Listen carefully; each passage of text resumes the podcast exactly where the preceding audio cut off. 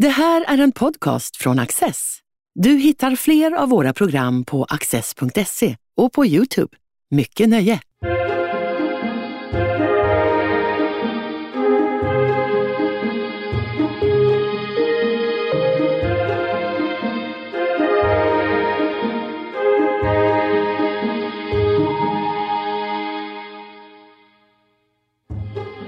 Begravdes en person under 1600-talet och varför skedde det på just det sättet? Alexander Engström har nyligen disputerat i historia vid Uppsala universitet. Han har studerat hur kulturella och sociala mekanismer användes för att gestalta adlighet och sociala hierarkier i det tidigmoderna samhället. Alexander Engström, välkommen hit. Tack så mycket. Att vara här. Du är författare till boken Olikhetens praktiker. Adlig begravningskultur i Sverige. Och du är här för att prata med oss om hur man begravde adelsmän och kvinnor på 1600-talet. Mm. Skulle du vilja börja med att sätta din avhandling lite i kontext och berätta för oss lite hur det såg ut på 1600-talet i Sverige? Hur såg det ut eh, geografiskt och politiskt? Så att, eh, ge oss allt vi behöver veta för att förstå din avhandling. Mm. Ja, 1600-talet är ju för det första, om vi pratar lite metanivå, eh, en väldigt krigisk tid i Sveriges historia. Det är 30-åriga kriget, det är senare upprepade krig mot dansken och även stora krig i Polen som, som pågår under 1600-talet. Eh, och det är även en tid när Sverige som vi känner det idag eh, egentligen inte existerade. Det var inte, Norrland var ännu inte koloniserat, det var först under slutet av 1600-talet och Finland var även en, en ordentlig del av, eller en, en del av Sverige. Och det fanns även en hel del Eh, besittningar kring Östersjön, Estland, eh, Estland till exempel och eh, även många besittningar nere i Tyskland efter Westfaliska freden. Rent socialt så är det ståndssamhället som råder i den här tiden. Så det, det, det stånd som folk föds in i, det, där sitter man fast i princip resten, eller i större delen av sitt liv om man inte lyckas slå sig ur det här på olika sätt, vilket är oerhört svårt. Så det är absolut inget jämlikt samhälle det här och det är absolut inget sam samhälle att idealisera från våra horisonter idag. Det är, det är i grund och botten ett väldigt odemokratiskt och ojäm ojämlikt samhälle. Eh, det som händer för adeln under den här eh, perioden det är att de börjar eh, århundradet med att vara en väldigt liten skara människor. Vilket de även kommer vara under slutet av århundradet. Men de har fortfarande växt nästintill explosionsartat under den här perioden. Och det är länkat till att stats, dels att statsapparaten i Sverige håller på att expandera, vilket dels är på grund av större eh, utvecklingar eh, och strukturer ute i Europa. Att kungen måste bygga den här statsapparaten kring sig. Men det är också något som är väldigt tätt ihopknutet med att Sverige faktiskt är ute och krigar så pass mycket som man gör under 1600-talet. Man måste helt enkelt Eh, vaska fram pengar till kriget och manskap till kriget. Och då måste man ha den här statsapparaten som i princip håller koll på folket. Och då som en del av det här eh, så växer eh, eh riddarklassen eller adelståndet. För, de, för det här är människorna som har monopol eh, på hela statsapparaten. Jobbar inom, inom statsapparaten, ja men då är du adel. Och det har de lyckats eh, det är, det är en rättighet som de har lyckats monopolisera under tidigt 1600-tal. Men då statsapparaten expanderar så måste man också få, med, få tag i mer adel. Och det är då ett problem med att adeln är väldigt liten så de kan inte, i sig inte tillfredsställa de behoven som staten har. Vi måste ha jättemycket folk till byråkratin. Men adeln är så här små, så det, det fixar vi inte. Det staten gör då via kungen och även med adelns goda minne, det är att man expanderar adelsståndet med då vettiga byråkrater eller kompetent personal. Okej, okay, du är jätteduktig på det här. Eh, vi vill ha dig på den här posten. Vi adlar dig så att du kan ta den här posten. Så eh, från att ha varit relativt små under tidigt 1600-tal så blir de större och större. Eh, Eh, under 1600-talets gång så pass stora att runt mitten av 1600-talet så har de nyadlade eh, så är de en klass i adelsstånd som är mycket större än den gamla besuttna eh, adeln. Du inleder din avhandling med ett helt fantastiskt citat. A duke must build his house in such a way as to tell the world I am a duke and not merely a count. Man visade alltså upp sin sociala status genom materiella medel. Eh, varför var det här viktigt även när man hade dött och skulle begravas? Ja, det är ju för, för det första här, liksom att i, i perspektiv till just det här citatet är att eh, den döda kan inte göra sin egen status eller praktisera det här. Eh, för den är död. Eh, Eh, den är ungefär lika, har lika mycket agens som en tegelsten. Den kan inte göra alls mycket. Så då måste man lämpa över det här på de anhöriga. Så det är de anhöriga som axlar rollen att faktiskt framföra vem den döde personen var. För det är ingenting som man bara lämnar under den här tiden. Det handlar inte om att, som vi har idag, väldigt privata ceremonier där man har en ceremoni i kyrkan eh, eller borgerligt som också har börjat bli eh, Eh, modernt och sen antingen kremera eller begrava den här personen. Utan under 1600-talet så är begravningar något av en big thing så att säga. Liksom att, och det är inte heller något som bara adeln har tillgång till. Liksom alla människor dör den här tiden. Och alla människor är, har ett, ett socialt krav på sig att begrava men också göra det på rätt sätt. Och ett av de här kraven är att man faktiskt gör det offentligt. Eftersom man går igenom antingen ett stadsrum eller ut, eh, mellan byar och kyrkor för att visa upp nu går vi och levererar vår döda anhörige till den heliga jorden, kyrkans jord och i, i Guds famn. Och hur kom du på idén att börja, börja titta på just begravningar? Det var väl främst kanske tre saker. Att, för den första var att i min masteruppsats så skrev jag om adlig dryckeskultur istället. Det är något som ligger ganska långt ifrån det här men som kanske under samtalet vi kommer få tillfälle att komma tillbaka till för det finns en länk. Dryckeskulturen led, ledde till döden? Ja, i, i vissa fall faktiskt tyvärr. Eh, I, i och med att fylleslag, ja men då kan män då främst eh, börja ta till handgemäng och dö som en följd av det här. Eh, men i, i den här masteruppsatsen då om dryckeskultur Eh, så såg jag i materialet att folk åker väldigt mycket på begravningar. De åkte på många fler begravningar än de besökte eh, bröllop eller dop. Även om det också var mycket, men begravningar var eh, det mest populära att gå på. Och det var också via det, det här materialet som jag då såg att men, det här är inget privat, det här är något som man verkligen gör med pompa och ståt för att både det egna ståndet liksom andra stånd ska se när man gör det här. Eh, den avgörande faktorn det var faktiskt under en roadtrip som jag och en kompis gjorde i, i Sörmland och då stannade vi i Floda kyrka. Eh, det är en relativt ny kyrka för den gamla revs någon under 1800-talet men de behöll det gravkoret som finns där och det gravkoret, gravkoret tillhöll, höll, tillhörde eh, familjen Kagg. Och eh, då främst Lars Kagg eh, som var fältmarskalk. Och när jag kom in i det här gravkoret som är bara är svulstig 1600-tals barock eh, all over, då fick jag en känsla att ja, men här är det något som händer fortfarande idag. Det här är inte bara en kontext eller ett rum som är låst till perioden som det skapades, det vill säga 1600-talet, utan det här är något som görs, praktiseras kontinuerligt och som vi kan läsa även idag. Så det var nog ingången till att förstå materialitet och, och rum som något mer komplext än något som bara görs i sin egen kontext. Och varför just perioden 1630 till 1680? Ja, det var väl det var dels via den här masteruppsatsen eh, att jag hade redan lite koll på materialet. Det, jag har också alltid, eller länge, varit väldigt fascinerad av just adeln under 1600-talet. För det är, dels i, i dubbel bemärkelse något så oerhört barockt med det här eh, ståndet under den här eh, perioden. Och det är också en period i Sveriges historia där man, och även eh, i övriga Europa, man testar sig fram så mycket, liksom både socialt och politiskt.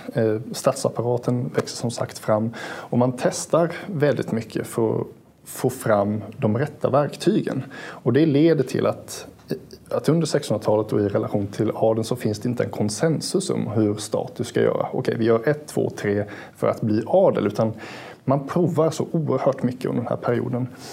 Och det var just det att det inte finns ett färdigt system för någonting som lockade mig till den här perioden.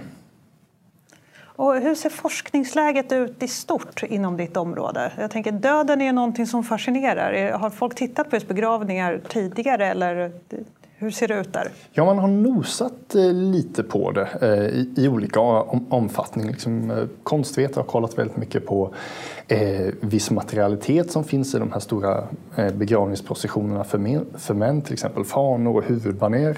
Det finns också konstvetare som har kollat på de här gravkoren och olika gravskick. Men man har inte tagit den här större kontexten. Liksom, och dels förstå men vad är, vad, hur används de här sakerna och varför används de?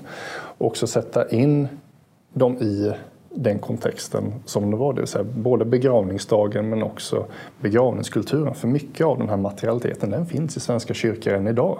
Så man använder det inte bara under begravningsdagen för att när man tågade eh, till exempel genom Stockholm för att visa här har ni en adelsman.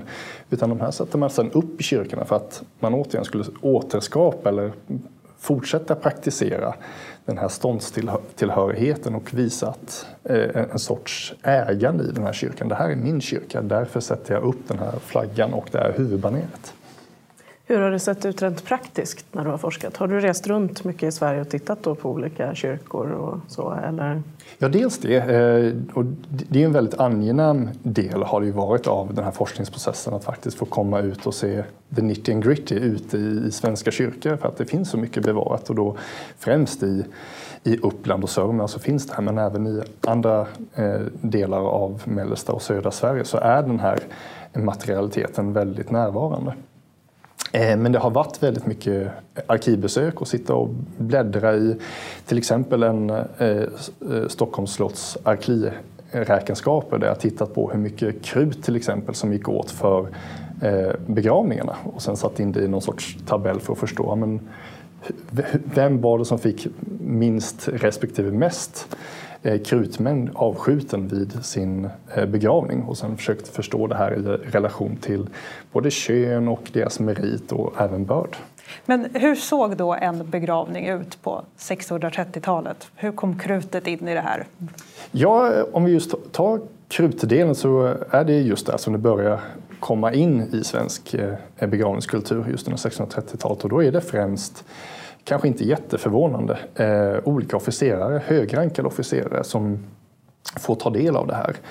Men i och med att det är en, eh, en, en period utan social, eller inte utan social konsensus, konsensus men det finns ingen strikt konsensus om hur den här statusen på, eh, ska göras så börjar fler och fler adelsmän ta sig till det. Så bara, jag tror det är under 40-talet eller garanterat under 1650-talet så är det inte längre bara officerare som har rätt till det här utan då har ämbetsmän tagit, tagit sig till det här också. Så till exempel Axel Oxenstierna som inte har någon större militär erfarenhet utan som är rikskanslern med stort R. Han får salut för sig. Och det är en liten eh, historisk ironi där egentligen för ungefär tio år tidigare då har han i ett riksrådsmöte uttalat sig väldigt kritiskt till att eh, en Axel Baner ska få salut skjuten för sig under sin begravning. Just utifrån, som Axel Oxenstierna säger, men han var ju inte militär. Så det är ju ett oskick att vi faktiskt öppnar upp för det här. Samtidigt som man då säger i en bisats, men vi kan inte gärna börja att implementera det här nya systemet med Axel Baner för då skulle han bli lidande av det. Så det han uttalar sin protest men lägger även en liten filt över det här. Hur såg adelns konsumtionsmönster ut på den här tiden? Vad la man pengar på förutom ståndsmässiga begravningar? Oj, det är, det är, en, det är en ganska svår fråga eh, och som man nog har debatterat om eh, väldigt länge. Och liksom, det är också vilken adel man, man pratar om. Ja, pratar vi om nyadlingar som på något sätt sitter fast och är beroende av, av sitt yrke till exempel som skrivare inom, inom förvaltningen eller som lägre officerare, men då har man inte jättemycket pengar att spendera med. Men om vi pratar om familjen som De la Gardis eller Oxenstierna eller Stenboka, då har man mycket mer pengar. Och för det som händer under den här tiden det är att just det här toppskiktet inom adeln, eh, som jag kallar aristokratin i avhandlingen, de får, får en mycket större del av eh, inkomsten, de statliga inkomsterna. För de kan gå ut med lån för staten som är liksom i ständigt behov av, av pengar under den här tiden. Och som i gengäld då så får adelsmän jord eller pengar som de åter kan belåna ut till staten. Så en större del av skatteunderlaget hamnar hos adeln. Eh, och då främst eh, aristokratin som egentligen bara består av jag tror ett, någonstans mellan 10 och 20 familjer. Så det är väldigt få personer som räknas som aristokrati. Men det man lägger pengar på under den här tiden det är eh, om jag skulle ta mellan tummen och pekfinger, det är kläder, det är väldigt mycket kläder. Och det är väldigt mycket byggnader, som man, olika sätterier som man bygger upp på de här då donationsjordarna som man har fått, fått av staten. Men man bygger också de här jättestora slotten som vi kan se än idag. Till exempel Skokloster som är ett av de bästa exemplen på det här i Sverige idag. Och hur såg kvinnornas eh, del ut vad det gäller de här begravningarna? Begravde man män och kvinnor på samma sätt? För vad var skillnaden? Ja, absolut inte kan vi konstatera med, med utropstecken. Och det var väl det var den mest förvånande eh, aspekten i, eller resultatet av det här eh, när jag själv gick in där. För jag hade en föreställning om att ja, men det kanske någonstans i någon mening följer hög lågadel i det här. Att alla de som är grevar och grevinnor det är de som får den mest flådiga begravningen. Och sen i fallande ordning. Men det man ser är att det finns viss materialitet och vissa deltagare som är knutna till kön. Så till exempel där män kunde få till exempel de här fanorna, och huvudbanér som jag pratade om innan, men även saluter, väldigt många klockringningar, soldater, kavallerister, en, en riddare som rider i förgylld rustning i den här positionen. Allt det är exempel på en materialitet och praktiker som kvinnor och barn inte får ta del av. Just för att de, som jag har förstått det, de har inte den eh, meriten och inte eh, den helt enkelt könsstatusen för att få ta del av de här. Och med det sagt så var inte alla mäns begravningar lik, liknande heller utan där fanns det också ett hierarkiskt system där merit och börd spelade, spelade en väldigt stor roll. Hur såg det ut med de som stupade i fält? Begravde man dem på samma sätt? Skeppade man hem dem? Eller begravde? Nej, absolut inte. Eh, det finns eh, man såg förmodligen samma hierarki där, att det är vissa praktiker som är öppna för vissa människor. Så till exempel, jag har ett exempel på en person som heter Nils Brahe som dog, dog under 30-åriga kriget som tillhörde aristokratin. Hans kropp skeppade man hem. Och likaså en person som hette Anna Margareta Sture som var gift med Axel Oxenstiernas barn, eh, eller son Johan Oxenstierna. Hennes kropp skeppar man också hem när hon dör nere på, i Osnabrück under fredsförhandlingarna där, där Johan är. Och så har jag ett, för att sätta en motsats till det så finns det då en, en en adelsman som heter eh, Reuter, han tillhör släkten Reuter. Han dör också under 30-åriga kriget, men han begravs på plats i Tyskland. Så, och, jag, och det finns även fler just eh, adelsmän som är i krig och som egentligen tillhör fel familj. De, deras kroppar skeppar man inte hem utan de får man begrava på plats. Men är det så då att eh, enda chansen du har att bli hemskeppad om du har dött i krig, det är om du är adlig?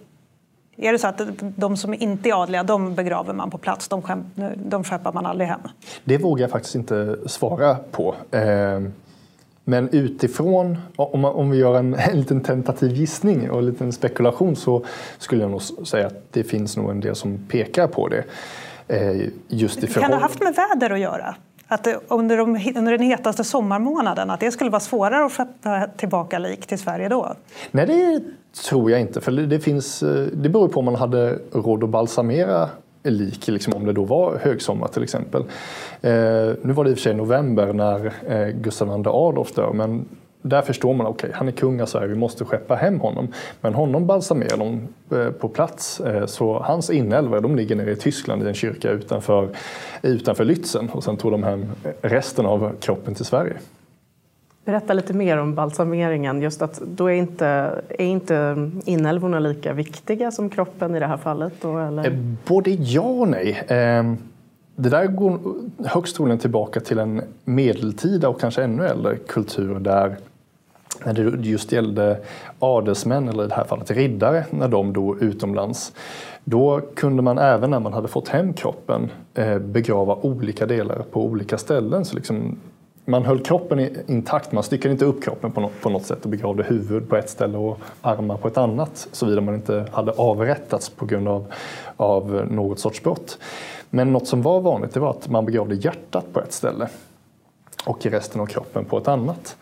Eh, och det gör man just med Gustav II Adolf. Man tar ut hjärtat på honom och förvarar det i en, någon sorts silverask har jag för mig. Och som man då sen ger till hans eh, hustru. Eh, Maria Eleonora tror jag hon hette. Men, men osäker på Varför gör man så? Ja, det, det, är väl just någon föreställning om att det finns någon sorts kanske känslomässig eller själslig essens i hjärtat. Det är väl den religiösa känslomässiga förklaringen på det. Sen så finns det också en aspekt av att eh, man vill lägga ett ägande på flera kyrkor som som till exempel jag balsameras och sen så tar man mitt hjärta och mina inälvor och begraver dem på andra ställen än där min kropp eh, begravs. Då, har min, då finns det anknytningar från, via min kropp till tre olika kyrkor lite samma sak egentligen som jag nämnde med fanor och huvudbaner. Jag säger att via min kropp som begravs på olika ställen så är det här mina kyrkor eller jag lägger ett anspråk på de här kyrkorna. En annan intressant del som du har tittat på verkar vara sinnesupplevelsen kring det hela med begravningen. Vilka av våra sinnen är det som har varit viktiga då? Eh, det som tidigare forskning tittat väldigt mycket på som även jag eh, även jag analyserar, det är just det visuella. Det är en oerhört visuell period det här med väldigt mycket guld, väldigt mycket fär starka färger. Eh, men också väldigt, väldigt mycket ljud. Och det är ingen som egentligen har kollat på det i den här kont kontexten eller eh, som jag har gjort. Eh, så det är ett material som jag tog med an, det var just begravningsringningar och kolla hur, hur det var hierarkiserat om man ska uttrycka det som så över adelståndet men även Eh, hur det såg ut i borgarståndet för att jag skulle ha ett bollplank och, och slå lite mot. Och det som blev väldigt tydligt, tydligt är det att adeln genom hela perioden får fler ringningar än borgare. Men det som det här materialet också gav och som var väldigt givande och också lite förvånande det är att man ser väldigt många olika hierarkier inom adelståndet. Så kvinnor får inte lika många klockringningar som män överlag. Barn får inte lika många ringningar som eh, kvinnor överlag.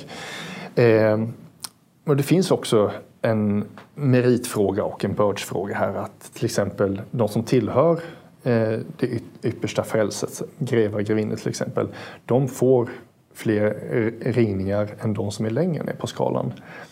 Och det kanske mest intressanta det var att de som är längst ner på den här skalan de får ringningar som i vissa fall faktiskt är färre än högre ståndsperson, ofrälse ståndspersoner, till exempel borgmästare.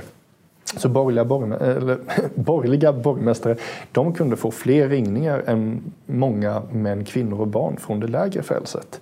Och det tycker jag säger något väldigt intressant om och som problematiserar vår bild av ståndssamhället på 1600-talet. Det var inga klara linjer som stod mellan varje ståndskategori utan det är något av ett grumligt ingenmansland mellan de här eh, gränserna som gör det svårt att praktisera ståndstillhörighet.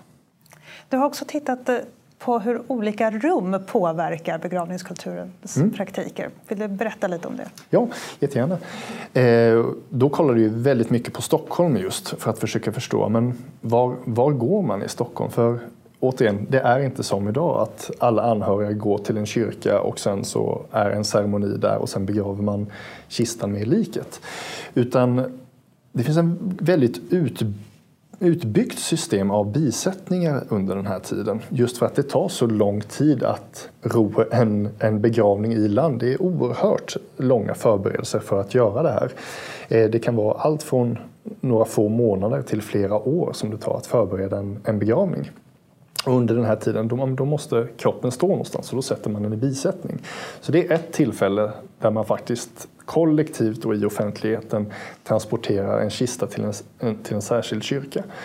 Och en av de mest populära kyrkorna, vad jag förstått utifrån mitt material, att sätta en kropp i bisättningen i, det är Sankt Jakob. Och något som blev väldigt tydligt då när man började studera protokoll i olika kyrkor, det är att nej men, bisättningskyrkan är väldigt sällan den kyrka där begravningen sker i. Så man flyttar under begravningsdagen eh, eh liket och kistan från bisättningskyrkan till en annan kyrka just för att kunna möjliggöra den här förflyttningen i, i offentligheten i, i stadsrummet. Fanns det faror på vägen? Eh, både ja och nej. Eh, något som händer under den här tiden det är och som hänger också ihop med att det är en väldigt krigisk period och att man ser att eh, statsapparaten byggs ut väldigt mycket. Det är att det urbana rummet, det militariseras väldigt mycket. Jag nämnde till exempel eh, kanonsaluterna. Det är en, eh, en aspekt av den här militariseringen i det, urbana, i, det urbana rummet. Men något som också händer det är att man har med sig väldigt mycket, väldigt, väldigt mycket soldater och kavallerister främst då när aristokratiska män Eh, begravs och då i, i Stockholm. Och de är ju inte där av en slump. En, det är ju dels en yttring av militariseringen, att eh, militariseringen har tagit sig in i kulturen. Men det är också för att men, du går på gator där folk försöker genomföra sin vardag. Och om man vill få dem att skingra sig på ett effektivt sätt och inte stå i vägen, men då, då är det ganska bra att ha de här väpnade styrkorna eh, längst fram. Särskilt om man då har varit en av de eh, aristokratin och man där man vill på något sätt ha en begravningsposition som sker felfritt. Men det sker inte fel, felfritt alla gånger. Eh, jag har sett i både eh, protokoll från adens, i Adens riksdagsprotokoll men även lagar som slogs igenom där man stadgade att folk får inte avbryta begravningspositioner och att folk trängs i vissa fall. Dels för, enligt protokollet då, trängs för att se de här, men jag vill hävda då att ja, det kanske är en del av sanningen, men det kan ju också vara att de här gatorna som vi har i 1600-talets Stockholm, de är väldigt trånga. Gatorna i Gamla stan är än idag väldigt trånga liksom, och, det, och i och med gaturegleringen eh, som nästan ligger kvar som idag som ni gjorde då så kan man få sig en bild av hur trångt det var. Så om det står människor här och en procession med soldater kommer, ja, men då kommer folk tvingas tränga ihop sig. Så den här trängseln behöver inte vara ett uttryck för att folk enbart var nyfikna, utan det kan faktiskt vara att det fanns ett väldigt begränsat utrymme att vistas på när de här militärerna och processionerna kom. Vem hade huvudansvaret för att arrangera de här begravningarna? Eh, det var i huvudsak eh, den närmaste familjen, eh, skulle man säga. Och det, det ser man väldigt tydligt i i testamenten till exempel som jag studerat men även i annat material att det är barn i första hand eller en maka eller en, ma en maka eller make som tar hand om det här. Men det är också en tid här när dödligheten är väldigt stor. Liksom folk, kvinnor dör väldigt mycket i barnsäng, män dör av sjukdomar eller krig. Och, ja, det är en helt annan sjukdomskontext eller dödlighetskontext under 1600-talet än vad vi har idag. Eh, så det, det, finns fall när den som skriver sitt testamente inte har några anhöriga överhuvudtaget. Det kan också vara så illa att den faktiskt inte har fått gifta sig och därmed eh, kunnat producera barn eller gift sig och inte kunnat producera barn i alla fall. Och i de fallen så lägger man över ansvaret på andra personer. En präst kunde till exempel ta huvudansvaret eller det kunde till och med gå så långt att eh, om, om då givetvis om den här testatorn eller personen som kommer dö hade rätt kontakter så kunde riksrådet faktiskt styra upp det här. Det finns eh, en person eh, då som var besläktad med Per Brahe av en slump då, som dör och där riksrådet just går in och betalar hela hans begravning och styr upp den. För han är varken gift eller har barn. Tack för ett intressant samtal. Tack så mycket. Vi har fått lära oss om social status på 1600-talet och hur den kunde följa med en hela vägen in i döden. Tack för att ni har tittat. Du har just lyssnat på en podcast från Access. Du vet väl att vi också är en tv-kanal och tidning? Teckna en prenumeration idag på access.se.